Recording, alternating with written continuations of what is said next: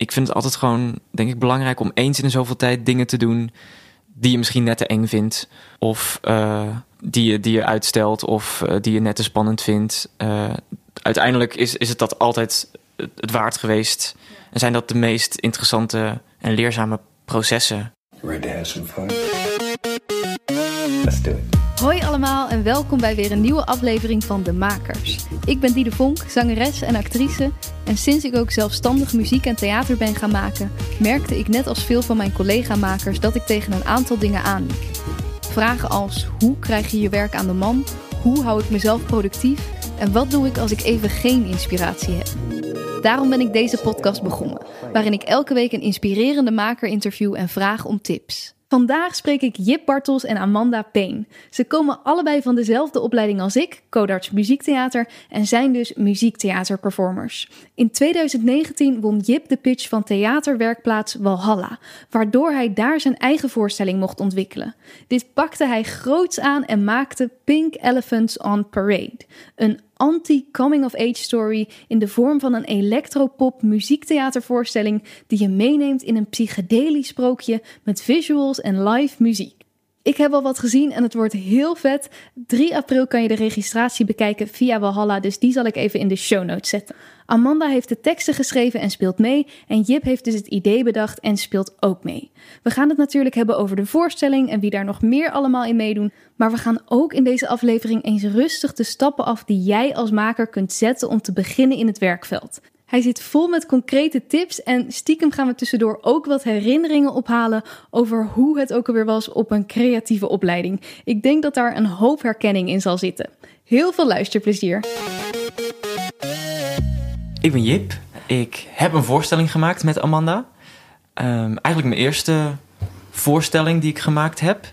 En ik ben afgestudeerd aan Coders Muziektheater. Ik zat bij jou in de klas. I know. Wij kennen elkaar eigenlijk al heel erg lang. Ja. En uh, altijd uh, uh, geacteerd. En nu met corona ligt allemaal stil. Mm -hmm. Zoals bij velen, denk ik. Ja. Ja, en jullie, ja, jullie hebben wel nog in deze tijd een voorstelling gemaakt. Um, daar gaan we het zo verder over hebben. Maar Amanda, misschien kan jij je ook nog even voorstellen? Yes, uh, ik ben Amanda. Ik maak voorstellingen. Ik weet niet, ik zie mezelf niet per se als maker, maar uh, goh, ja, ben ik dan toch. Schrijf muziektheater en speel een beetje met musical. Wat is musical? Kunnen we dat opnieuw uitvinden? Um, zit een beetje in dat gebied te experimenteren nu. Klinkt goed. Ja. Is het lekker? Ik zie helemaal voor me hoe jij op je slaapkamer lekker aan het experimenteren bent. hoe ziet dat eruit? Ja, gewoon uh, de functie van muziek en hoe, hoe het verhaal wordt verteld. En kan dat in de muziek? En moet het dan per se heel dramatisch, zoals we dat vaak zien in de musical, met een. Uh, of uh, hoe het is geanceneerd met een dansensemble, dit en dat hoeft niet per se voor mij. Dus ik probeer ja, eigenlijk nieuw uit te vinden. Kijken wat er allemaal mogelijk is nu. Want ik denk dat daar ruimte voor is. Ja, ook te onderzoeken misschien. Wat is dan musical? Of wanneer heet het dit of ja. dat? Ja. Tof. Ja. Zo moeilijk. Wanneer, wat... Dat is zo'n moeilijk genre of zo, vind ik nog steeds. Ja. En muziektheater. Ja, musical heb... hebben mensen toch zo'n beeld bij, nog steeds. Mm -hmm. Ik heb er nog steeds ook geen antwoord op eigenlijk. Wat is muziektheater, wat is musical en, en alles daartussen. Heb jij er ondertussen een antwoord op? Uh, ik vind musical een onderdeel van muziektheater. Ja, muziektheater is eigenlijk alle vormen van theater en muziek. Ja, ja dat denk ik. En uh, musical is gewoon een hele bepaalde manier van hoe, hoe de muziek, um, de functie van muziek in, een, in de voorstelling, in de musical. En uh, muziektheater kan dat anders invullen. I guess, ja. ja. Mm -hmm. En jullie hebben dus samen een voorstelling gemaakt? Ja. ja. Een musical of muziektheater? Ja, dat, dat zit denk ik ook een beetje net op die crossover. Het is in die zin een musical dat je een, een personage hebt die van A naar B gaat en een, een, een, een, een reis aflegt, een psychologische reis. Dus in die zin is het een musical en dat de nummers die erin zitten voornamelijk het verhaal verder vertellen. Mm -hmm. Maar tegelijkertijd soms ook juist een sferische functie hebben. Dus voor mij ligt die precies in het midden. Ja. Ja, en ook omdat de nummers soms in het Engels zijn. En hebben wij ervoor gekozen van het is niet erg als het publiek het niet allemaal meekrijgt. Die woorden zijn omschrijvend, leggen een sfeer neer. Dus dan gaat het niet per se om jouw anekdote, de reis. Ja. Ja, Ja. Ja, precies. Oké, voordat we verder gaan over deze voorstelling, want daar wil ik natuurlijk ook alles over weten hoe dat ging in deze tijd en eh, nou ja, alle obstakels die je daarbij hebt moeten overkomen. Uh, maar ik wil nog even terug naar jullie. Um, Jip en ik gaan echt al way back. Uh, dat klopt. Ja. hoe is het bij jullie begonnen? Liefde voor theater, voor muziek. Uh, wanneer was dat? Heb je dat van huis uit meegekregen? Cute. Oh ja, dat. Uh, ja, mijn vader is muzikant. En mijn oom, dus, dus vanuit familie was dat wel een heel erg, heel erg normaal iets. Het was niet een uitzonderlijk iets. En mijn opa, die, uh, die zei altijd, die had altijd heel respect voor muzikanten of zo. Dat was altijd een soort van, die werd altijd een beetje op een voetstuk geplaatst. En ik werd al best wel snel op pianoles gezet en, en toneelles en, en muziekles. Dus was dat echt gezet? Als in, kwam dat vanuit jou, ik wil op toneelles? Of? Ik, dat weet ik dus eigenlijk niet meer. Is ik, gewoon gebeurd. Dat is gewoon gebeurd. en, dat, en dat moest blijkbaar zo zijn. Ja, want dat was dus wel ook iets wat je zelf heel leuk vond. Ja, en wij kennen elkaar dan weer uiteindelijk van uh, de, de, de Musical Factory. daar, daar bij elkaar leren kennen. En toen was er zo de droom om naar een, een opleiding te gaan. En uh, nou, dat is toen ook gelukt. Afgezet van Codarts. Ja, dus het heeft, heeft er altijd al. Uh, ja, eigenlijk één rechte lijn daar naartoe of zo. Ja, het is altijd al beetje, dit geweest ja, wat en, jij wilde en doen. Mijn ouders waren er gewoon super ondersteunend in en nou, ga maar proberen. Ja, heel fijn. Hoe was dat voor jou, Amanda? Herkenbaar of niet? Uh, ja, ja, ja, zeker. Ik, ik denk, als ik een anekdote moet vertellen. Ik ging, uh, yes. ik ging met kerst met mijn Engelse familie altijd naar um, de pantomime.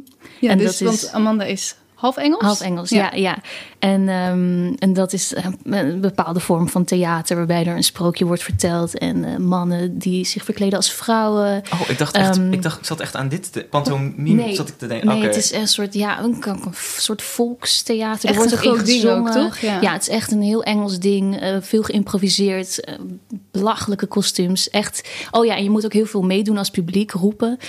en um, nou, als kind vond ik dat echt wonderlijk. Um, maar dat deed in Nottingham Playhouse, waar ik dan naartoe ging, um, deed ook altijd een lokale dansschool mee. Dus er deden soms wel kinderen mee. En toen weet ik gewoon heel goed als klein meisje dat ik dacht, ik kan het beter. ik, nee, ja, maar ook gewoon echt gewoon zo vastberaden dat ik dacht, ik moet daar staan. Ik wil nu een kattenkostuum aan. En ja, sorry, ik denk nu aan een bepaalde scène. En, en dat ik dacht, ik, ik moet dat zijn. En dan mochten er een paar kinderen uit het publiek na de show altijd um, opkomen en vertellen wat ze het mooist vonden. En elk Oh. jaar gaf ik mezelf op. En elk jaar werd ik niet uitgekozen. Oh, nee! Ja, ja dus um, Oh, een klein traumaatje ook. ja, maar ook zo vastberaden om, uh, nee, om dat toch te doen. En toen dansles. En toen zeg ik, ik wil ook zingen en ik wil ook spelen. En toen via de theaterschool naar de zang, de musicalopleiding. Ook codarts uiteindelijk. Waar Ja. jullie mijn vierde jaars waren. Ja, jij zit twee jaar onder ons, denk ik. Of drie jaar? Drie. Drie. Dus wij, jij zat in één, toen zaten wij al in vier. Ja. Wow. Zo oud. Ja. Ja. Maar, maar ja, ik herken dat heel erg. Dat je dan kijkt naar mensen op een podium en dat je dan gewoon, ook al ben je tien, denkt: dit kan ik echt beter. Wat lekker dat je dat toen, raar, toch? dat, je dat Ja. toen nog mocht Ja. denken. ja, precies. Ja. Zo graag ertussen willen staan. Ja, dit, ja. Dit, dit ben ik helemaal. Ja. Ja, ja, Ja, en heerlijk. ook niets anders gewild dan dat. Ja, wat grappig. Dat hoor je toch wel vaak. Dat het echt zo... Ja, dat, dat je dus van jongs af aan dat al wilde. Eh, nou, toen kwamen we allemaal op die opleiding terecht. Ja. Eh, dat is eh, hartstikke leuk. maar soms ook best wel heftig, zo'n opleiding. Want het gaat heel erg over jezelf. En eh, nou, je, je komt jezelf vaak best wel tegen. Ja. Eh, ik hoor Amanda gelijk heel erg ik denk gewoon hoe vaak ik helemaal dood ging van de spanning altijd in die lessen. Alleen, alleen maar spanning. Alleen maar En dat spanning, ik echt ja. Zo, nu zou ik tegen mezelf zeggen, gewoon... Ik heb ontzettend genoten van de opleiding, maar dat ik echt denk... Het ging altijd zo om leven en dood. Echt hè? Elke, elk, een module. Want je zag het niet als module. Je zag het Nee. echt alsof je... Je, je, je, je hele levenswerk. toekomst en je carrière Ja. hing ervan af. Ja, elke les. Ja, Oh. Voor je gevoel. ja. En dus jullie vooral hadden die, dat ook eh, heel erg, die spanning. Ja, vooral met die, eh, dat overgang van het eerste naar het tweede jaar. Dat je ook nog weggestuurd kon worden. Dat, dat, Ja. Ik liep al huilend die, die, dat, dat kamertje in. En toen Die was er van, hele "Huh, je bent gewoon die door. maar- weet Oh, ik dat nog. was zo erg, ja. Ja. Ja, Maar ja, te, te gek en, en, en verschrikkelijk tegelijk. Maar vooral te gek. ja wel, kijk je er wel vooral met een positief gevoel op terug? Ja, ik heb daar wel echt... Ik, ik durf wel te zeggen, ik ben er wel echt klaargestoomd voor, voor wat, ik, wat ik heb gedaan. En ja, ik vond het wel tegelijkertijd ook heel erg moeilijk. Bijvoorbeeld, ik vond het, het, het gegeven zangles vond ik gewoon ingewikkeld altijd. Dat iemand je ging... Iemand commentaar ging leveren op jouw manier van zingen of zo... vond ik toch altijd heel super kwetsbaar. En Ja, ook omdat het op een bepaalde manier misschien moest. Eh, bijvoorbeeld bij een, een popacademie of zo mag je misschien veel meer je eigen stijl zingen. precies, En ja. wij werden wel, ja, wij werden wel geleerd hoe je in een musical eh, Mm, precies. moest zingen. Terwijl ik had bijvoorbeeld ook echt nog wel andere ambities qua, qua zang of qua... eh, ik vond juist ook die, die popkant of eigenlijk alles...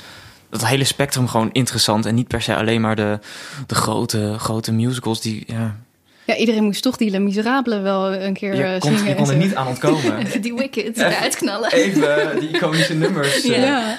Ja, maar achteraf, ik, ik vond het echt de, de meest fantastische periode, denk ik. En jij? Ik vond het... eh, ik had gewoon een hele fijne klas. Dus ik heb, ik heb dat... Voor mij zat de spanning gewoon in...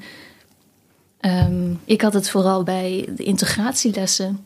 Dat, Ja, ik dat ook, is denk de lessen Vooral. waarbij waren erg spannend, ja. Ja, omdat Ja, het gewoon lukte. is dat, ja. zeg maar. Ja. Ja. het lukte gewoon niet om dat allemaal bij elkaar te brengen.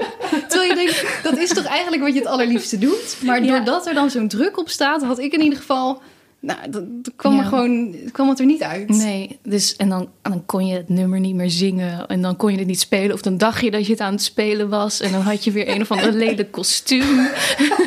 dat ging gewoon altijd helemaal mis. Ja, Ja, Want dit klinkt allemaal best wel nou, negatief. Als in, ja, je, je moet ook op zo'n school eh, zelfvertrouwen krijgen dat je het wel kunt. Mhm. Hoe zijn jullie daar toch goed uitgekomen? ik denk ik gewoon door mijn klas of zo. Ja. Wij hadden een hele sterke... Wij, ik had echt het gevoel alsof wij elkaar echt zo eh, naar boven duwden. Gewoon zo die... elkaar Die- opliften. Ja, elkaar opliften in onze ambities. Dus er was altijd een hele sterke werkdrang en beter worden en elkaar. En niet elkaar zien als concurrentie, maar echt elkaar helpen. En elkaar wel inspireren. Oh ja, denk zeker. Ik. Ik, ik kon ook Ja. echt genieten van Ja. mijn klasgenoten. Dat ik echt wauw. En ook heel erg trots zijn. Dus Mhm. Volgens mij in andere klassen kon dat ook wel concurrerend werken. Maar ik had juist dat ik mijn klas heel erg inspirerend vond. Ja, wij hadden ook heel veel mazzel met onze klas. Want dat is inderdaad ook wel anders geweest. In Ja. andere klassen weet Ja. ik dat Ja, als er toch een soort concurrentiestrijd... of je gunt het elkaar niet, dan... je moet het toch met elkaar doen. Ja. Vier jaar. Ja, En allemaal heftige karakters ook wel. Ja, Ja, dus de, eigenlijk dat groepsgevoel heeft je heel erg geholpen. Ja. Ehm, ja, want je zit daar van 9 tot 10 bijna vijf dagen in de week. Dus je bent echt gewoon even een kleine familie. mhm, zeker. Ja.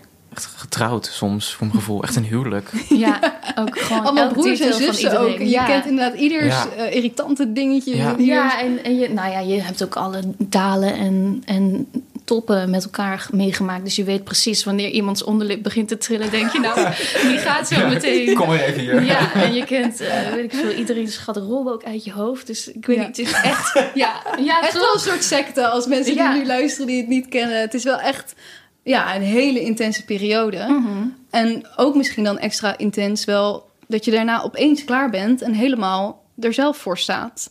Ja. Ja. Hoe was dat voor jullie? Wat zijn jullie gaan doen direct na je school? Ehm, ja, ik weet nog, op een gegeven moment... toen kwam dat moment dat iedereen audities ging doen. En ik liep daar voor mijn gevoel een beetje achteraan. Dat ik dacht, oh, dat is iedereen aan het doen. Ehm, ik weet niet zo goed hoe dat kwam of zo. Misschien een beetje uitstelgedrag. Van, eh, ik weet niet of ik... eh, Dat mensen wel al audities aan het doen waren, maar dat jij dacht, ik, ik, ik doe had- het nog ik even gaf niet. me voor heel veel dingen niet op, weet ik nog. Oh ja. En toen uiteindelijk, eh, toen op de valreep dacht ik... oh, ik moet misschien toch maar eens ergens voor gaan opgeven. Want straks dan, eh, heb ik niks of zo. Ja, want je had En, natuurlijk ook die stages nog op school. Dat je Klopt, al in je derde of vierde jaar ergens stage kon lopen. Ja, en ik had mijn stage in mijn derde jaar gelopen bij toneelgroep De Appel. Oh ja. Dus het was niet zo dat je... Dat was mijn derde jaar. Het was niet zo dat ik van mijn vierde jaar ergens in stroomde en verder kon. Overigens ging toneelgroep De Appel failliet. Dus, Dat was ook eh, dus jammer. dat was ook erg jammer. Want het was wel echt een waanzinnige, waanzinnige plek. Eh, en toen weet ik nog... Ik had auditie voor een, een serie toen. Via Camna Casting nog. En dat was ik toen geworden. En dat kreeg toen uiteindelijk geen zendtijd. Of die... Oh. De, was iets met de, de pilot werd gemaakt, maar toen uiteindelijk ging het toch niet door. En toen raakte ik in paniek. Toen dacht ik, ik heb niks.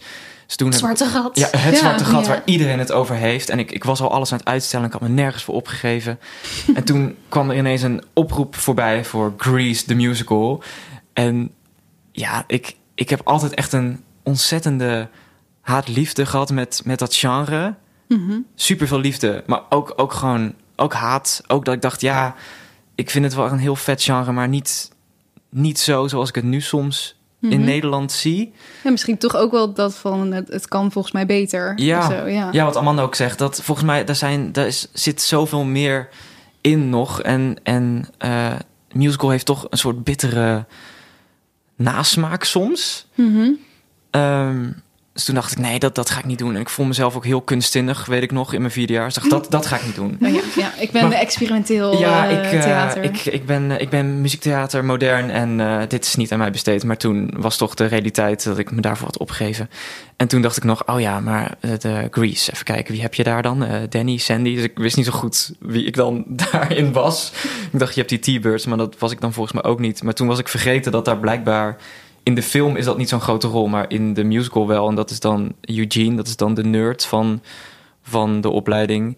En dat had ik toen gekregen en dat was heel erg leuk, want je mocht heel veel improviseren met die rol. En eh, toen ben ik een beetje zo. Ja, dat was echt geweldig. Ook inderdaad, want je- het was wel... Ja, je kon daar echt wel je vrijheid in nemen. Ja, dus je hoefde dat- niet in zo'n hokje van... dat was waar ik een beetje ja. bang voor was. Dacht ik, oh ja, en dan doe je dus een jaar lang doe je elke dag hetzelfde. Mhm. Dat, dat vond ik wel heftig of zo. Maar dat beviel me eigenlijk wel goed.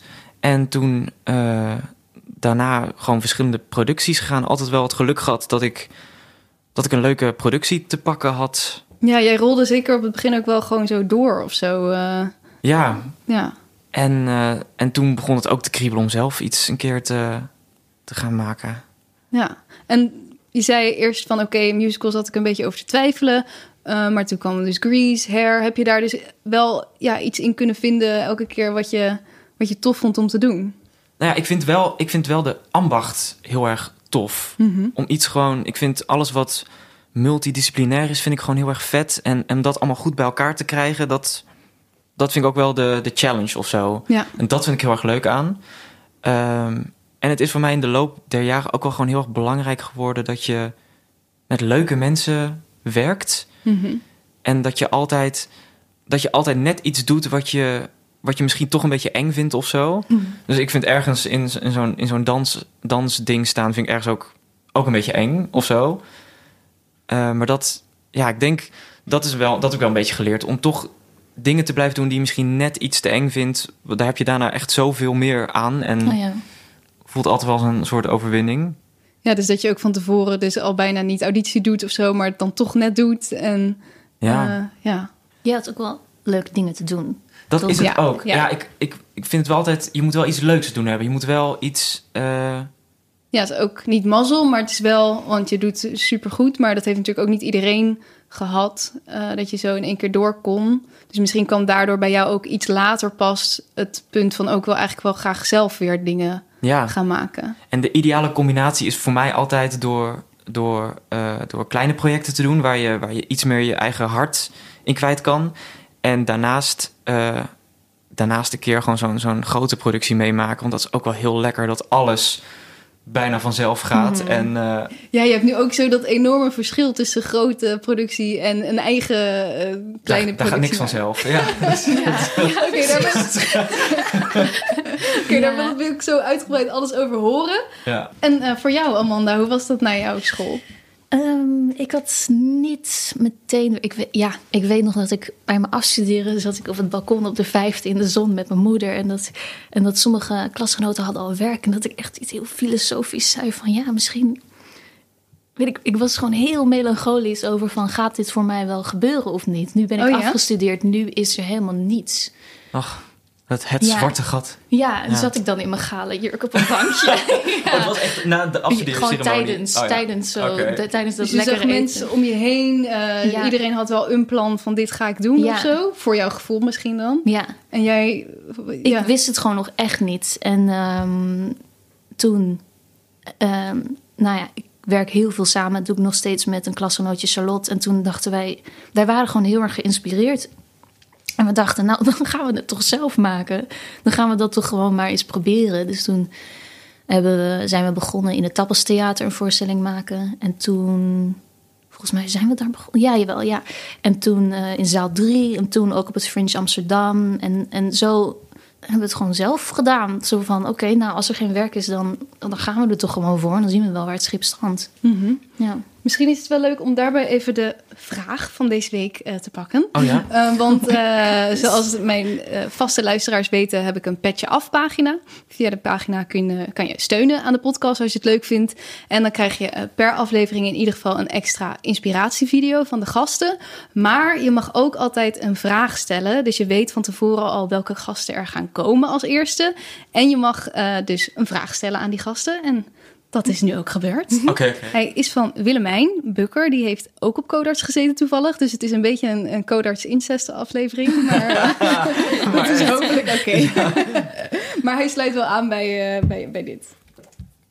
Hoi, hallo. Mijn naam is Willemijn, Willemijn Bukker. En eh hoi Jip en Amanda, leuk jullie te spreken via deze podcast. Ehm, ik ben afgestudeerd van Codarts Muziektheater afgelopen zomer. Dus ik ken Jip en Amanda ook, want die komen van dezelfde studie. En ik heb een tijdje terug eh, mijn eigen peuter- en kleutervoorstelling gemaakt voor onder het bureau. En ik mocht een vraag stellen aan Jip en Amanda. Ehm, en mijn vraag is hoe begin je als maker? Zeker omdat onze opleiding niet per se heel makend gericht was, eh, maar toch vooral uitvoerend. En ik merk nu, ik wil heel graag dingen maken, dat het soms een zwart gat is. Dus gewoon mijn vraag, waar begin je? Met wie spreek je aan? Eh, ja, dat, waar begin je? Waar begin je? Hmm. Ja, dat heb ik mezelf ook heel veel afgevraagd. Maar je kent echt meer mensen dan je denkt. Oh ja, ja. Dat vind ik altijd wel goed om te realiseren. En, en veel mensen die, die zijn je voorgegaan. Bijvoorbeeld, om even in de codarts incest te blijven... Die, eh, de klas van Club Gewalt, Ja, die zat een jaar boven ons. Twee jaar boven ons? twee Ja, jaar twee jaar. Ja. En die zijn samen een collectief eh, begonnen. En die, eh, die hebben dat ook allemaal moeten uitvinden. Dus er zijn altijd mensen die je voor zijn gegaan. En die, daar moet je echt mee in gesprek. Oh, dat is ook wel een goeie. Gewoon van je eigen school al ouderejaars. Daar kijk je misschien soms een beetje tegenop. En je Ja. denkt, oh my god, die, eh, wat gaan die mij helpen? Maar die Ja. willen dat waarschijnlijk echt wel. Ja, Ja. zeker. Gewoon een gesprek. Ja. Ja. het is een beetje trial and error. Gewoon, ehm, er is geen vaste routekaart van, oh, als je begint moet je naar hier. Eh, maar er, is, er zijn wel echt dingen. Ehm, ik weet nog dat ik destijds naar een soort informatiedag ben geweest in het Huis Utrecht. Dat vond ik heel handig, want ik dacht, oké, ik wist precies waar ik stond. Van, oh, hier ben ik wel. Die soort van, ja, dan kan je zelf ook een beetje oriënteren van... oké, nou oké, ik ben nog echt niet klaar om zelf een stichting te vormen... maar misschien kan ik eens met dat persoon praten of dat traject beginnen... of eh, ja, dit festivalletje proberen. Dus je moet echt, denk ik, heel goed weten wat je niche is. Een soort van waar je terecht Ja. wil komen. En je moet Wat niet... je wil maken. Of... Ja, ja, Ja. want ik hoor, ik hoor kindervoorstelling. Eh, maar ik heb ook geleerd dat je niet gelijk de Schouwburg Utrecht moet aanschrijven van... ja, ik heb een voorstelling eh, van een uur. Want dat, dat, dat, dat gaat echt in fases. Ja, liever Ja. kleine stapjes of zo. Ja. En aan zo'n dag, bijvoorbeeld zo'n, zo'n dag bij het Huis Utrecht. eh, je zult die misschien ook bij andere productiehuizen Mhm. hebben. Eh, Kon jij een beetje kijken van hoe ver sta ik Ja. vergeleken met de rest? of Ja, zo? precies. Omdat er dan zoveel andere jonge makers zijn. Dus dan denk je, oh oké, ah... Oh, maar die hebben al daar gestaan. Of die zijn net zo... Die weten ook helemaal niks, net als ik. Ja, en, en Werkplaats Walhalla is natuurlijk... ja dat, Eh. dat was voor mij een beetje het, het, het setje geweest. Ja. Want ik had, ik had wel... Ik ja had kan je wel vertellen, wat is dat, Werkplaats Walhalla? eh, Werkplaats Valhalla, die organiseren eh, elk jaar een pitchavond. En nu is inmiddels volgens mij de derde editie is net geweest. En je kan je alweer opgeven voor de vierde editie. En eh, wij waren de, de tweede editie, de winnaars. En ehm, je, je pitcht je voorstelling, je idee. En wij kregen daar volgens mij een kwartier de tijd voor. Mhm. Je schrijft het eerst aan trouwens, even helemaal van het Oh ja, begin. ja. Je moet eerst eh, een, een schriftelijke pitch schrijven. Daar eh, maken zij een selectie van. Dus op een gegeven moment heb je volgens mij zes, zes pitches. Heb je dan. En dan doe je dus een theatrale pitch van een kwartier. En daarmee laat je een stuk of een idee van je voorstelling zien. En dan. Ja, dus het hoeft nog niet af, of, eh, maar gewoon... Nee, nee. eh, Nee. En, eh, en de winnaars worden productioneel ondersteund. En dat vond ik heel fijn. Want dat vond ik altijd een beetje. Dat was een beetje een te hoge drempel. Of zo. Ik dacht, ja, ah, maar dat is zo ingewikkeld. Of dat. Ja, als je zelf begint als maker, dat je echt alles zelf daar moet heb ik echt hulp bij nodig. Want Ja. dat, dat, dat, dat weerhield me er een beetje van. Dat ik dacht, oh, dat is wel ingewikkeld. Ja, dat had ik ook bij Amsterdam Fringe. Dat ik echt dacht, hier komt zoveel bij kijken. Ja, Ja, want jij En, deed mee aan het Fringe Festival ja. en daarbij moet je wel alles zelf alles doen, zelf toch? doen. Ja. En zeker dat het gebeurt, dat is ook lekker hè? in die soort rush van, van het festival. Dat je zo de laatste dagen maar dat je dan nog een TL-buis van een bouwmarkt moet halen op de dag dat je speelt. En het licht wordt nog ingehangen een half uur voordat je voorstelling start. dat je echt helemaal gestrest. Dus dan is het zo fijn als er, ja, dat klinkt heel stom, als er iemand is om lunch te halen. Als Ja. er iemand is om te zeggen van hé, hey, we gaan de PR gaan we op deze manier doen. Een heel dat dan een shoot. Ja. Ja, Ja. dat is zo fijn. En dat er een ruimte is. een repetitieruimte is, Oh, is ja. echt. Ja, dat is echt een cadeautje. Ja. Dat, is, eh, dat was een hele fijne, fijne ruimte waar we hebben gerepeteerd. Mhm. En eh, daar konden we alles laten staan. Ja, dat was, het was gewoon een super, super... Het is echt de ideale plek voor eh, jonge makers of mensen die, die een tof idee hebben... en die dat willen gaan uitvoeren. ja, dus zoek echt naar dat soort plekken, want die zijn er. Die zijn er die echt. Zijn er wel. En ik heb het ja. idee ze ook steeds meer komen. Dat idee heb ik ook. Want ik, eh, ik probeer ook gewoon zo vaak mogelijk op mijn Instagram een beetje van dat soort eh, de makersgezocht trajecten Ja. Mhm. te delen. En ik heb het idee dat er echt wel steeds meer komt. Ehm, ja, het is natuurlijk. Misschien is dat ook wel goed om erbij te zeggen. eh, nou, weet je, je wordt niet altijd eerste of het lukt niet altijd. Maar je doet dan natuurlijk wel weer heel veel connecties op. Ehm, maar ook wat Amanda al zegt, je kunt het ook alleen doen. Weet je, bij zo'n fringe word je ook in het diepe gegooid, waar Ja. je waarschijnlijk ook mega veel van geleerd hebt. Zeker, ja. Ik heb ook een keer een project gedaan met eh, en twee dansers en twee acteurs en iemand die de visuals deed Mm. en een regisseur. Wat we gewoon allemaal zelf opgestart hebben. Maar dan moet je gewoon wel mensen hebben die dat ja ook net van school zijn of Ja. die gewoon echt vrijwillig daar tijd in willen investeren en daar een ding, iets in zien. mensen, mensen kunnen betalen is ook... Je wil het liefst iedereen natuurlijk gewoon kunnen Ja. betalen. En als je alles zelf doet, dan, heb je, dan kan je dat gewoon niet. Nee. Nee, precies. Dus dan moet het of dat zijn, of ja, het liever, het liefst toch dat je je ergens bij aan kan sluiten. Dus ja, dat je een beetje ondersteunt. Ja. En wat heb jij dan bijvoorbeeld het meest geleerd van toch dat, dat traject bij Fringe het wel allemaal zelf doen? Nou, dat je niet moet vergeten dat je daar begint als performer. En dat dat toch hoofdzaak is. Dus los van dat je de voorstelling hebt geschreven, dat is het voortraject. Maar bij ons was er op een gegeven moment zoveel stress. En dat er zaten mensen in de zaal die zouden een recensie schrijven. Dat wij geen tijd hadden om even terug te komen bij onszelf. En ehm, ja, dan, dan, dan sta je daar een voorstelling te spelen. Maar dan, dan, dan eh, heb je eigenlijk nog je regiepad en je productiepad op. Je Ja. bent echt alles. nog. Ja, ja. en dat, dat, dat, dat moet er niet onder gaan lijden. Dus ik weet niet of dat een les... Nou, dat is wel een les. Ja, ik denk een hele Ja. belangrijke. Dat Ja. dat inderdaad wel het gevaar is als je alles zelf doet. ja Dat, dat, dat je tot een minuut voor de voorstelling inderdaad je licht nog aan het inhangen precies. bent. Ja, En ja. Ja. Het belangrijkste is de inhoud, je voorstelling, dat dat er staat. Mhm. Ja. En ja, dat, dat, dat in, eh, in, in de gaten houden misschien. precies. Ja. daarvoor waken. Voor je performerschap. Ja, Zo. waak voor je performerschap. mooi, mooi. en ehm, hoe was dat dan dus bij Valhalla? Want jullie zeiden al, nou, dat is toch wel fijn, dan wordt het een beetje begeleid. Hoe ging dat proces? Jij hebt in 2019, Het- geloof ik, al gewonnen. Ja, het, het, voor mijn gevoel heeft dit project zo'n zo'n lange adem. Want het, Ja. het, het is ooit... Het idee is ooit begonnen bij, bij mijn afstudeervoorstelling.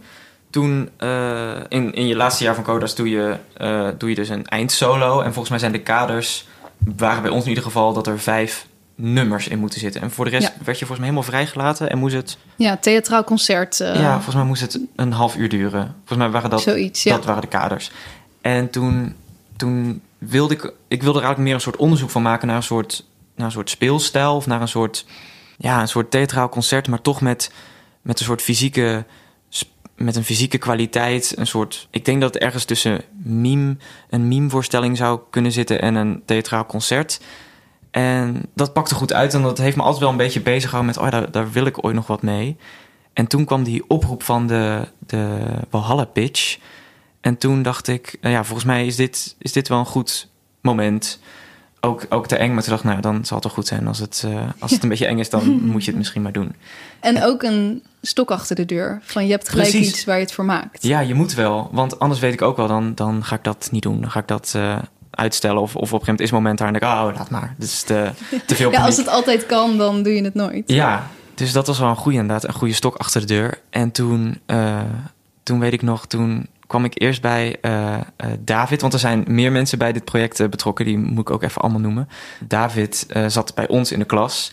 En die, buiten dat hij een fantastische zanger en acteur is... heeft hij zich na zijn opleiding echt ontwikkeld als een soort super performer, vind ik hem. Want hij speelt echt superveel instrumenten. Ja. En hij, hij, hij componeert. En ik dacht, eh, oh ja, dat is tof. Dan, dan eh, met David. Want in jouw afstuderen zaten natuurlijk eh, bestaande nummers. Ja. Dus, en voor dit wilde je eigenlijk... ik dacht, ja. eigen, eigen nummers, want dat is ook een ding. Daar, anders zit je met, met rechten en met, met... Je kan het niet ten alle tijde doen, want je, het, het, zijn, het is niet jouw materiaal. Ik dacht, als je dan toch je voorstelling gaat maken... dan moet het, moet het nieuw een eigen materiaal zijn. En ik wist, eh, Amanda, die zat bij ons op school en die kende ik ook. En die, ik wist dat hij supergoed kon schrijven. Dus heb ik toen volgens mij in het koffietentje tegenover onze school eh, gevraagd van... hey, zou jij, eh, zou jij het willen schrijven? Dus de teksten en ook de teksten op de muziek. nou, in eerste instantie zou het eigenlijk alleen maar, zou het alleen maar lyrics worden. Zou het gewoon een, Oh, een ja. concert concert worden. Dat was de eerste versie. Dat was, dat was het eerste idee. Gewoon, gewoon een avondvullende eh, voorstelling, maar voornamelijk nummers. Echt een concert. Eh, nou, en dat, eh, dat, toen was dat het, het, het team. En David, die heeft een eigen een, een makersduo. En dat heette Transmissie. En daar zit Dirk weer bij. En Dirk die maakt visuals. Heel Ja. mooi. Dat is, dat is gewoon een soort kunstenaar. Een soort Mhm. beeldende kunstenaar. Mhm. En toen dacht ik, oh ja, misschien moet het dan ook al een soort visuele voorstelling worden. Een soort van live videoclips. Maar En je haalt je dan ook wel gelijk heel veel op de hals. nou ja, dat, dat besefte ik een beetje, een beetje later. Ik dacht, oh, het is wel heel groot geworden. Want uiteindelijk is het zich gaan ontwikkelen tot, tot niet meer alleen een, een theatraal concert... maar is het echt een, een avondvullende voorstelling geworden. Dat is voor jou ook nieuw. Ja, Volgens mij je eerste echte avondvullende... zeker. Voorstelling. Ja. Want het begon met acht nummers. En toen was het, oh wacht, acht nummers. Dat is niet Dat is een kwartier, een avondvullend. kwartier of zo. Ja. oh, oh, laten we dan eens het over scènes gaan hebben. En uiteindelijk was het dus een... Ja, hadden we dus eh, Amanda, ik, David, Dirk... eh, nieuwe muziek, nieuwe tekst, eh, scènes, eh, visuals. En er is nog iemand bijgekomen, Ayla, die zat ook op Codarts. Die zat overigens bij Willemijn in de klas, Oh. die we net hoorden. Oh, nou kijk. Ja, het is echt een Codarts, incest. Ja. die is Maar over... zo zie je maar, vraag gewoon de mensen van je opleiding. Ja, ook leuk om verder te kijken. Ja, maar... precies. Ja, Dirk is de enige die van Maastricht kwam. Ja. Maar die, ja, op een of andere manier voelt het ook alsof ik die al heel lang kende. Want die, Ja. Die zagen we ook Die- die zag je altijd Ja, met weer met David. David. Ja, Ja. precies. Dat, Ja. dat klopte ook of zo. Die hoort er ook bij, ja. Ja. Ja. En eh, dus toen was het ineens een heel groot, groot ding. En toen hadden we een kwartier eh, eh, pitch te maken. Mhm. En toen hebben we volgens mij twee nummers laten horen Mhm. en, en, een, en een scène. En toen hadden we gewonnen en toen eh, moesten we het eh, gaan maken. En twee jaar later. Want to- toen heeft het nog best lang geduurd voordat Het het heeft kwam. heel lang geduurd. Ja, omdat wij in een productie zaten. Het begon er Ja. eerst mee dat wij in de productie zaten, dus wij konden niet meteen. Nee, Amanda, jij deed Annie. ik deed Annie. En ik deed Hello Dolly. Ja. Eh, toen kwam corona. Ja. En eh, konden we het, eh, konden we het, eh, werd het ook uitgesteld. Mhm. En uitgesteld en uitgesteld en uitgesteld. En uiteindelijk zijn we het in, eh, in december zijn we gaan maken en repeteren. Mhm. Dat was trouwens heel fijn. Dat, dat we even in een soort bubbel. Ja? Dat is echt zo fijn nadat je lockdown hebt gehad. Dat ik, ik moest dan vanuit Amsterdam naar Rotterdam. Gewoon om elke dag in de trein te zitten. Wat niet zo goed was met corona. Maar ehm, om elke dag te kunnen Ja, repeteren. iets te gaan doen. Was Iets gewoon te weer doen. regelmaat, een doel. Ja. Een, een, een office om naartoe te gaan. Ja. Dat is Mhm. echt, oh, dat doet de mentale gezondheid echt goed. Ja. En eh, ja, toen uiteindelijk hebben we het volgens mij net... Toen was net de fase dat... Eerst mocht je nog voor 100 man spelen. Toen werd dat 30 man. Theaters dicht, theaters open, theaters dicht. Mhm. Dus daar zaten wij net tussen. Dus we hebben de voorstelling tot op heden nog niet daadwerkelijk kunnen spelen. Eh, en nu hopen we dat we in april, mei eh, mogen spelen. Mhm. Maar dat, ja, dat, dat is gewoon nog afwachten. Ja, spannend. Ja, jullie zouden volgens mij in januari dan in première gaan. Maar eh, dat is nu dan dus even af, afwachten. Jullie hebben wel een hele toffe registratie volgens mij gemaakt. Ja, Klopt. Ja, in eerste instantie was die, eh, hadden we die gemaakt voor eh, nou ja, onszelf. Omdat wij gingen natuurlijk in een soort lockdown. in dus de ijskast. in de ijskast. Ja. Oh ja, dat je hem ook nog hebt en weer terug Ja. kan... het, is, het, is best een, het is best een complexe voorstelling. Oh ja, Eh, Waarom? Ja, het is... eh, zo. ja. Mijn cue-lijst is echt drie A4'tjes, denk ik. Nee, oké, ik Jij- overdrijf. Maar Jij staat nooit stil. ik sta nooit stil, omdat het is zo'n technische voorstelling. Want er worden dus live visuals aangestuurd. Ehm, David is live aan het, hoe noem je dat? Musiceren. Musiceren met ook allerlei dingen.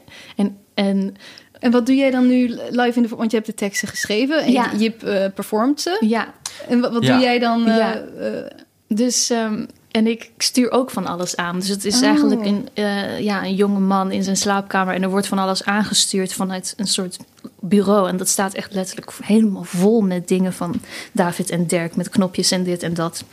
En dat zijn we de hele tijd zo. Dat, dat is, ja. sta je dan op het toneel of ernaast? ja, of? dus eh, Ah. daar heeft Quint een heel, heel ingenieus decor van gebouwd. Dus we zijn te zien. Ja. En dan is het, wordt het later pas duidelijk dat we deel zijn van het hoofdpersonage. Je, de, Ah. ze, eerst krijg je, doen ze zich voor eigenlijk als de, de, de band of de backing vocals. Maar eh, later zij zijn alleen maar... eh, zij veranderen eigenlijk ook in een soort personage. Dus het begint misschien met het gevoel van een solo voorstelling. Maar uiteindelijk zijn we echt met vijf performers eh, op de Oh, vloer. Tof. Oh, tof. Want op jouw eerste pitch, die heb ik alleen gezien natuurlijk, was het jij op de vloer. Klopt. En de rest, of ja, het- wel ook eh, een danser of een beweger, maar... Ja. Oh, tof. En het, het, het toneel is, is eigenlijk opgedeeld in twee vlakken. Dus echt de, de, de speelvloer met het decor. En het vlak waar dus inderdaad eh, het bureau staat, de desk. De ba het heeft al zoveel namen bar, De, de boardroom. Space Shuttle. Nee. Control Room. Ja. Ja, ja, het en lab. Die, het, het lab. Het lab. Zo hebben we het eh, uiteindelijk genoemd. Ja. En eh, eh, die, die, dat lijkt een soort tweedeling, maar uiteindelijk komt dat dus eh, samen. En dat is dus inderdaad voor jou ook een eerste avondvullende voorstelling die je helemaal moet schrijven. Mhm. Ehm, ben je daar in die jaren tussen, ben je daar gewoon een beetje zo op de achtergrond mee doorgegaan? Of Vanaf dat we de pitch wonnen. Ja. Ja. Ik, ja, ik heb er eigenlijk best wel heel lang over gedaan. Omdat ik de tijd had. Dus ik heb, terwijl ik in de productie Annie stond... en als we dan op hotel zaten, dan schreef ik een nummer. En dat Oh. was eigenlijk wel heel fijn. Ja. Ja, en, eh, want dat inspireerde ook wel heel erg. En ehm, ja, omdat we zo lang de aanloop hadden, heb ik ook heel veel versies gehad. Want we wisten nog niet waar het naartoe ging. Ook met de visuals, waar de mu- ehm, dus ja, de muziek was al meteen duidelijk. Want dat was soort het eerste pakketje wat ik aanleverde. En daarna kwam de scènes. En daarna hebben we de dramaturgie ook nog vijf keer omgegooid, toch? ja, klopt. Ja, Ja, het heeft heel veel verschillende versies gehad nog ja. tussendoor. Maar, maar dat, dat was wel prima, omdat die, nou, ja, er was niet een grote druk. En nou wil ik niet zeggen dat ik altijd zo wil werken.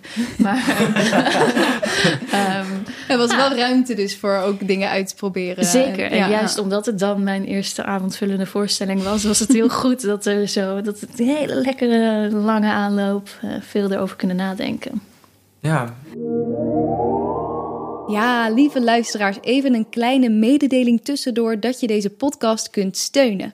Als je naar www.petje.af slash de Makerspodcast gaat, zie je dat je makers maatje, makers best friend of best friend forever kunt worden. Als maatje ontvang je extra inspiratievideo's van mijn gasten. In deze video's vertellen ze over hun grote inspiratiebronnen, het beste advies dat ze ooit kregen en het allerslechtste advies. Als best friend kun je input leveren voor gasten die jij graag wilt horen en kan je jouw vragen via voice memo insturen zodat deze in de podcast te horen zijn en jij je vraag dus aan de aankomende gasten kunt stellen. En als best friend forever mag je me ook nog eens bestoken met vragen over het opzetten van je eigen podcast. En binnenkort gaan er nog veel meer extra's komen. Daarnaast help je ons om deze podcast te kunnen blijven maken. Dus daar zou ik je sowieso ontzettend dankbaar voor zijn. Nu gauw weer terug naar het gesprek. En hoe communiceer je dan? Want je hebt al die verschillende disciplines en iedereen doet eigenlijk zijn eigen deel, maar je zit misschien soms ook een beetje op elkaar te wachten. Of ja, misschien, ik weet niet of Jip, jij daar een beetje de regie in hebt genomen. Hoe, hoe, hoe was dat? Ja, dat is een beetje vanzelf gaan. Eerst dacht ik ook met, oh, wat, hoe, hoe werkt dit? Hoe, hoe moet dit? Mhm. En eh, toen zijn we eigenlijk maar begonnen vanuit het script. Dat, was, dat is altijd een beetje de basis geweest. Een Oh ja. heel, hele fijne houvast. Ja.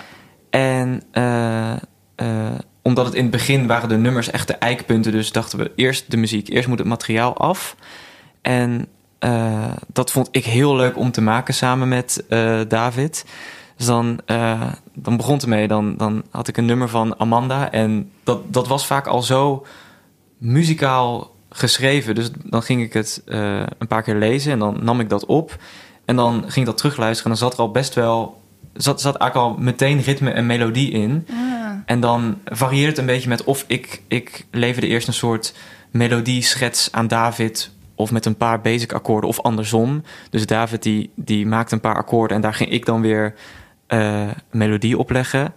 En eh, dat ging eigenlijk best, dat ging best wel organisch. Ik heb volgens mij één nummer gehad dat ik echt met mijn handen in het haar zat. Ik dacht, ik, ik weet het niet. Maar dan kwam David weer met een ingenieus idee.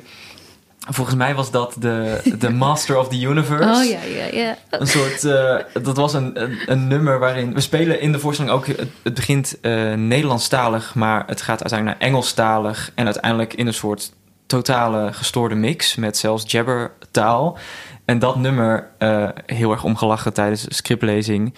Maar ik dacht, hoe, hoe klinkt dit? Hoe, hoe, zit dit? hoe zit dit op muziek? En eh, ook Amanda heeft ook een hele voice memo ingesproken met hoe de jabbertaal uitgesproken moest worden. ook heel erg omgelachen en heel vaak eh, voor fun ook nog wel eens teruggeluisterd.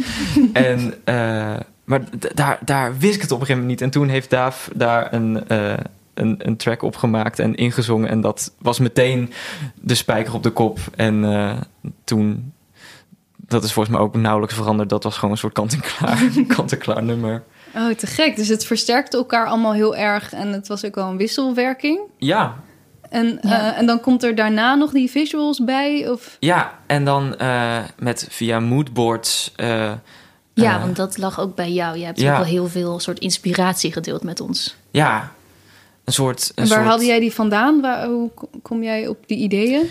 Ja, ik heb. Ja, bizar ook. Ik, heb, ik had gewoon een periode, daar is de voorstelling ook een beetje uit ontstaan, dat ik echt heel intens droomde. En heel beeldend met, met gekke, gekke details. En dat ik, dat ik het niet kon herleiden. Dus soms dan kun je wel eens... eh, stel voor dat je Airplane Crash Investigation aan het kijken bent... dan droom je daarna over dat je in een vliegtuig zit wat neerstort of zo. Dan, ja. En dat heeft nog wel een soort logisch gevolg of zo. Of dat je altijd droomt van wat je op die dag eh, hebt meegemaakt. Ja. Dat, tenminste, dat was ik gewend. Maar dit waren soms ook dromen dat ik dacht, hè, waar komt dit nou vandaan? En het was altijd een, een soort... dat ik aan het wegrennen was. En eh, met allemaal kleine deurtjes en, en figuren die ik, die ik niet kon plaatsen. En dat is een beetje de inspiratie geworden van, van het stuk. En ik uiteindelijk ook best wel vind ik het heel knap van Amanda. Want dat was voor mij best wel een soort, ja, een soort hele sferische uitleg met ja, eh, dit gevoel. eh, deze, deze scène heeft, heeft, heeft dit idee, maar nog totaal niet concreet. En jij hebt daar toch een soort van scène eh, van weten te maken... Wat, wat precies klopte met, met hoe ik het bedacht had. Maar ik kon dat destijds zo niet onder woorden. Ik kon dat nog helemaal Nee. geen taal geven of zo. Dat vond ik altijd heel erg Terwijl jouw moeilijk. verhalen over dromen super beeldend waren. Dus die heb ik soms letterlijk die beelden overgenomen in teksten. Ja, Ja, En maar- Gangen, figuurtjes, deuren die open gaan. Dat, Ja. zit, dat zit in de teksten. dat, ja, ik vind dat heel vet of zo. Dat dat, dat, dat zo he- is samengekomen. Maar dat vind ik ook wel tof aan, aan, aan jou, dat je dat je ook heel goed mensen erbij gezocht hebt die jou weer aanvullen of zo. Ik denk ook wat veel makers, wat ik zelf heel erg doe, is denken dat ik het allemaal in mijn eentje moet doen of zo. En jij hebt wel gewoon gedacht, oké, die is goed in tekst, die is goed daarin en die ga ik erbij halen. Ja, ook omdat ik het. Ik vind, ik vind het juist heel. Ik ben niet zo goed in mijn eentje. Ik vind het juist ook heel erg leuk om. Om het samen te doen. En ik vind het ook heel tof dat uiteindelijk dat we ook met z'n allen op de vloer staan. Want Ja. het eerste Ja. idee was ook inderdaad een solo voorstelling. Maar uiteindelijk zijn het, zijn het toch gewoon vijf personages gaaf, op de vloer.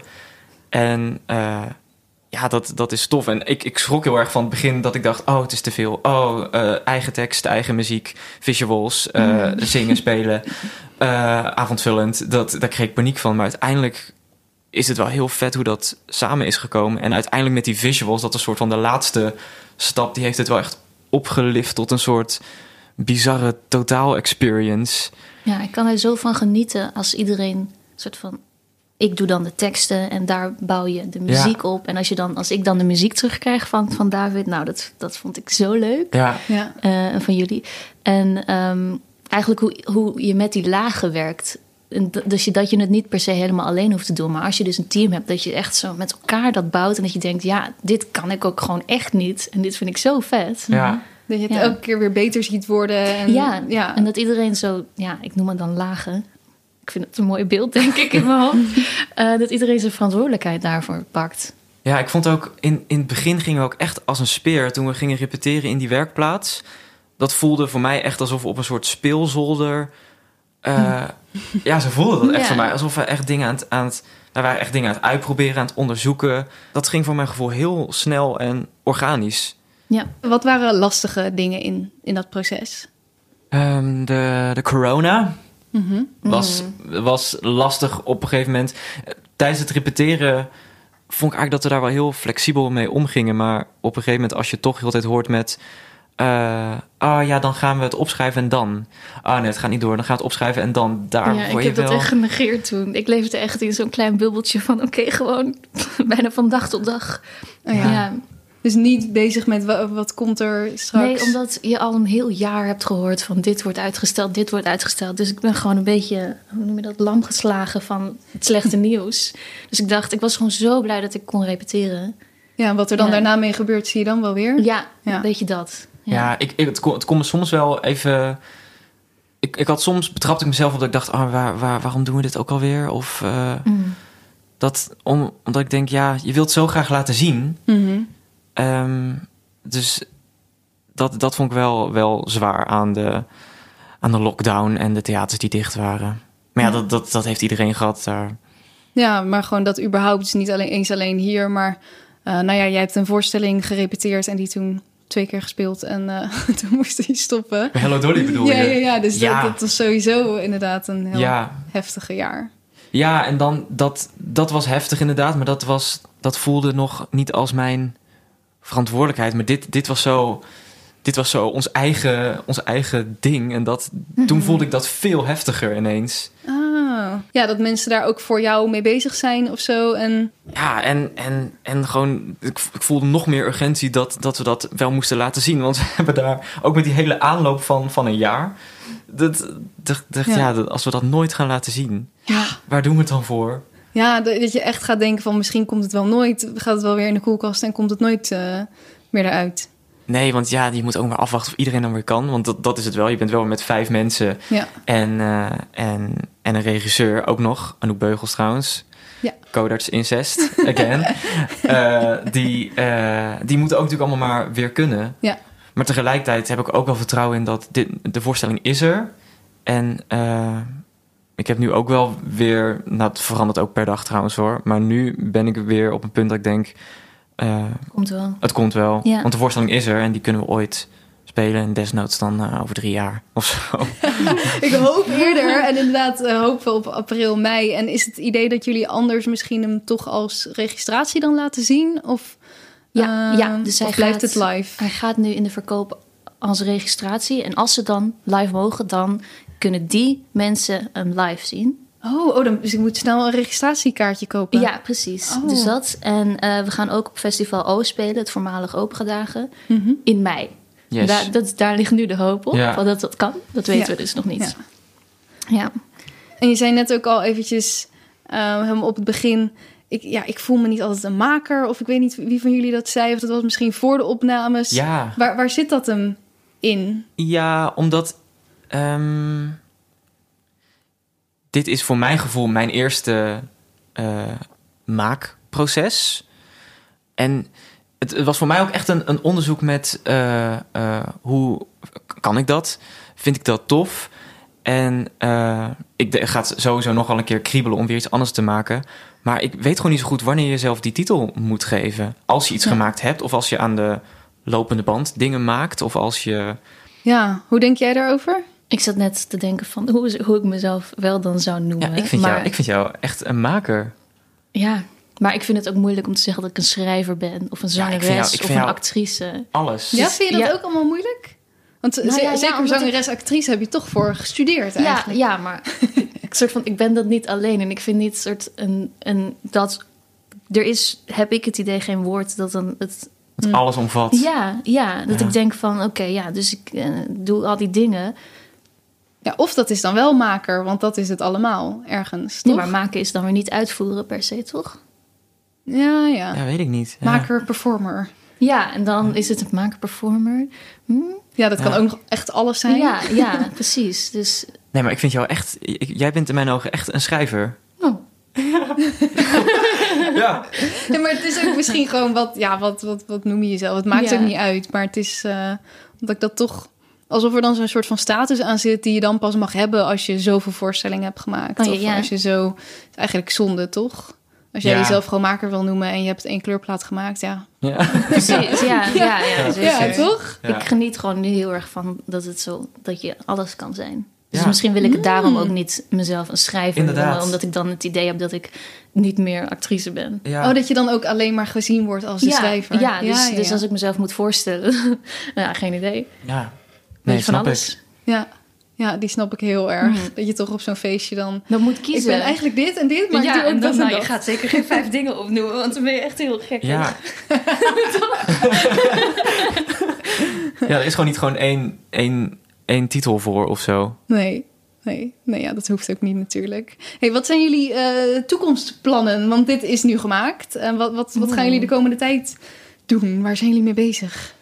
Ja, ehm, eh, ik, ik, hoop gewoon, ik hoop gewoon dat we de voorstelling in ieder geval kunnen, kunnen spelen. Dat eh maakt, niet, maakt me niet eens uit hoe vaak. Ik wil hem gewoon heel graag laten zien aan het publiek. Eh, omdat het volgens mij echt een, een hele toffe ervaring is. En ehm, verder, ik hoop dat de theaters zo snel mogelijk open gaan. zodat iedereen zijn mooie voorstelling kan spelen. En, ehm, en dat, dat we zelf weer kunnen spelen, dat, dat mis ik gewoon heel erg. En hoe hou je dan een beetje jezelf eh, een beetje vrolijk en gelukkig in deze tijd? Ja, ik heb het geluk dat, dat eh, ik spreek ook tekenfilms in. En dat is nu een beetje mijn hoofdberoep geworden. Ja. Dus, eh, en de studio's kunnen open blijven, want dat, dat, dat is altijd maar met drie mensen. En in de studio zit je achter glas. Dus dat is voor mij ook echt een uitje, dat ik er even uit kan. En ik kan gewoon spelen. Eh, ja, dus dat je naast dat spelen live ook gewoon wel echt iets anders nog hebt. Waar Ja. je, eh, En ik heb toch het gevoel dat ik, dat ik gewoon met mijn vak bezig ben. En eh, het, het is gewoon heel erg leuk. Dus, eh, dus ik kan in ieder geval nog, kan nog, in ieder geval nog mijn energie in dat soort dingen kwijt. In the future. Ja, de future. Ehm, ik zou gewoon heel graag eh, wel weer een voorstelling willen maken. Maar ik zou, ik zou heel graag eh, in, in een grotere groep willen spelen. een- gewoon een vast gezelschap of zo. Of een... Ehm, nee, dat maakt me eigenlijk niet eens uit. Ik vond het bijvoorbeeld heel leuk om nu voor mijn gevoel de, de, de frontman te zijn. Maar ik zou ook heel graag juist weer de eh, ondersteunende factor Ja. willen zijn. Of echt deel, deel van de groep. Dat lijkt me, dat vind ik toch heel erg leuk. Ja, dus nu weer even inderdaad wat anders. Ja, En jij, Amanda? Ja, nee, ik ben, nu, ik ben nu bezig met nog twee andere voorstellingen. Dat weet ik Eh, toevallig. Ja, eh, dus, dus ik. Daar mag je dat- nog niet te veel over zeggen. Of, nee, eh, nee, ja. nee. Dus dat, dat ga ik nog even. Een soort van. Nou ja, er zit helemaal geen recht of zo. Het zit gewoon een beetje mysterieus te doen. Nee, dus ik ben, ben druk bezig. En in de toekomst hoop ik gewoon... ehm, ja, zowel als, als performer, als schrijver, als maker... bezig te kunnen zijn. Ehm, ja, en gewoon nog een stuk te schrijven. Ik heb wel weer ideeën, dus daar heb ik zin in. Leuk, ik ben Ja. heel benieuwd. Hebben jullie tot slot, want we moeten, we moeten alweer afronden, ehm, nog adviezen of lessen of tips, dingen die jullie hebben geleerd, die je nog mee zou willen geven aan, aan een, een, een andere jonge maker, die misschien iets minder ver is nog, of misschien veel verder, maar gewoon iets wat jullie hebben geleerd? Ja, wat, ja, wat ik volgens mij, wat ik al zei, dat eh, er zijn echt veel plekken, zoals een werkplaats Walhalla, waar je voor kunt opgeven, waar, die je idee kan sturen. Dat zorgt echt voor een stok achter de deur, dat zorgt voor goede hulp, dat zorgt voor een fijne repetitieplek. Dat, dat lijkt mij gewoon een, een goed punt om te vertrekken. Ja, zoek waar, wij, waar je ondersteuning kunt vinden als jonge maker. Ja, Mhm. en een beetje, maar dat is denk ik meer een soort levensles. Ik, ik vind het altijd gewoon, denk ik, belangrijk om eens in de zoveel tijd dingen te doen die je misschien net te eng vindt. Of eh, die, je, die je uitstelt of eh, die je net te spannend vindt. Eh, uiteindelijk is, is het dat altijd het het waard geweest. Ja. En zijn dat de meest interessante en leerzame processen. Zeker. Ja, Ja. ook soms stop je het dan misschien een beetje weg of zo. Omdat je denkt, oh, misschien wil ik het wel niet zo graag. Of je stelt het inderdaad uit. Maar vaak zitten daar juist de dingen die je eigenlijk stiekem heel graag Ja, wilt. daar moet je naar luisteren. Ja, en daar slaat ik me wel ja, bij aan. Vanuit een andere hoek. Dat ik denk van. Ik zelf ben best kritisch, toch? Als je naar theater kijkt en denkt van... oh, dat vanuit ons, ons idee als kind van dat kan ik beter. Ehm, en als je, als je de hele tijd al voelt van... oh, dat kan ik misschien beter. eh, ga- het gewoon schrijven, ga het maken. En eh, dat is wel motiverend. Mhm. Ja. Ehm, Ja, probeer Ja. het gewoon. Ga. Precies, en, en weet eh, waar jouw kracht ligt. Vind, vind je niche. Eh, want ik denk dat soort van ja, de eerlijkheid als maker het meest aantrekkelijk is. eh, het gewoon het dichtst bij de bron is. En wat is dat voor jou dan? Oei, nou ja, ik gewoon naar mezelf. Ja, intuïtie. Ik hou persoonlijk heel erg van spelen met taal. Dus daar ben ik voorlopig Nee. ook niet, nog niet klaar mee. Eh, wacht, alle schrijvers houden van spelen met taal. Ja, maar dat is wel als, als performer. Niet elke performer houdt van spelen met taal. Mhm. Maar dus Ja, Het ik, is- ja. Binnen ons vak dan misschien weer jouw specialiteit. Ja, ja, ja, en ik heb het dan eh, specifiek over verschillende soorten talen. Oh ja. Ehm, maar eh, ja, hou, je gewoon, hou het plezier er ook in. Vind die passie, want, dan, want dat gaat, dat, daar ga je ermee komen. Met dat idee wat net te spannend is. Ja. Eh, doe het gewoon. Top. ik zie je heel vies kijken. Een soort Nike-reclame. Just do it. Just do it. Nike. Ja, maar die clichés zijn toch ook weer waar. Doe ja, anders gewoon. zou het geen clichés zijn natuurlijk. Precies. Dat was hem weer. Heel erg veel dank Jip en Amanda. Dank Willemijn voor het stellen van je mooie vraag. En luister jij nu en denk je... hey, ik wil ook mijn vraag in de podcast? Steun dan via petje.af slash de makerspodcast... en stuur me even een berichtje over hoe dan verder. En wie weet hoor je je eigen stem gauw terug in de podcast. Dit zijn mijn takeaways van dit gesprek. 1. Ik vond het heerlijk hoe Amanda vroeger keek naar theater en dacht: dit kan ik beter. Daar is helemaal niks ergs aan, juist een heerlijke motivatie. Dus durf dat gewoon eens lekker te vinden. 2. Blijf dingen doen die je eng vindt. Echt, daar zit het mooiste, het meeste groei. En als je ervoor wegloopt, zal je nooit weten hoe het geweest zou zijn. Gewoon doen dus. 3. Ga naar informatiedagen. Er zijn een hele hoop plekken die je echt willen helpen als maker. Zoals dus Werkplaats Walhalla. Maar denk ook aan fondsen, andere theaterhuizen of makersplekken. Die organiseren heel vaak meetings of pitches. En als ze nog niet zoiets in de planning hebben, stuur ze gewoon eens een bericht. Iedereen moet ergens beginnen. 4. Waak voor je performerschap. Als maker moet je altijd honderd andere dingen doen naast het performen. Ook belangrijk, maar vergeet niet om genoeg tijd te maken voor het performerschap zelf. 5. Ga op zoek naar wat jou uniek maakt. Eh, bijvoorbeeld, ben je een illustrator? Kijk dan eens kritisch naar wat voor specifieke dingen jij het leukste vindt om te maken. Ben je acteur? Zoek eens uit of je het ook leuk vindt om te schrijven. Of misschien is er wel een bepaalde stijl die jou het meest interesseert. Ga op zoek naar waar jij van aangaat. Wees niet bang dat je dit al moet weten. Het gaat om de zoektocht en blijven ontwikkelen. Heel erg bedankt voor het luisteren. Als je dit een leuk gesprek vond en je hebt er iets aan gehad, help je ons heel erg door om te delen met iemand of dus te steunen via petje.af slash de makerspodcast. Dat kan ook gewoon eenmalig. Tot de volgende keer. Vond je dit een leuk gesprek? Abonneer je dan op de podcast en volg de Makerspodcast op Instagram en Facebook. Delen of een recensie achterlaten is super fijn en laat het me vooral weten als er gasten of vragen zijn die je graag terug hoort in de podcast. Volgende keer staat er weer een bijzondere, inspirerende nieuwe aflevering voor je klaar. Deze podcast werd gemaakt door mij, Diede Vonk. De mixage is door Sonja Vos en de muziek is van David Zwarts. Tot volgende keer!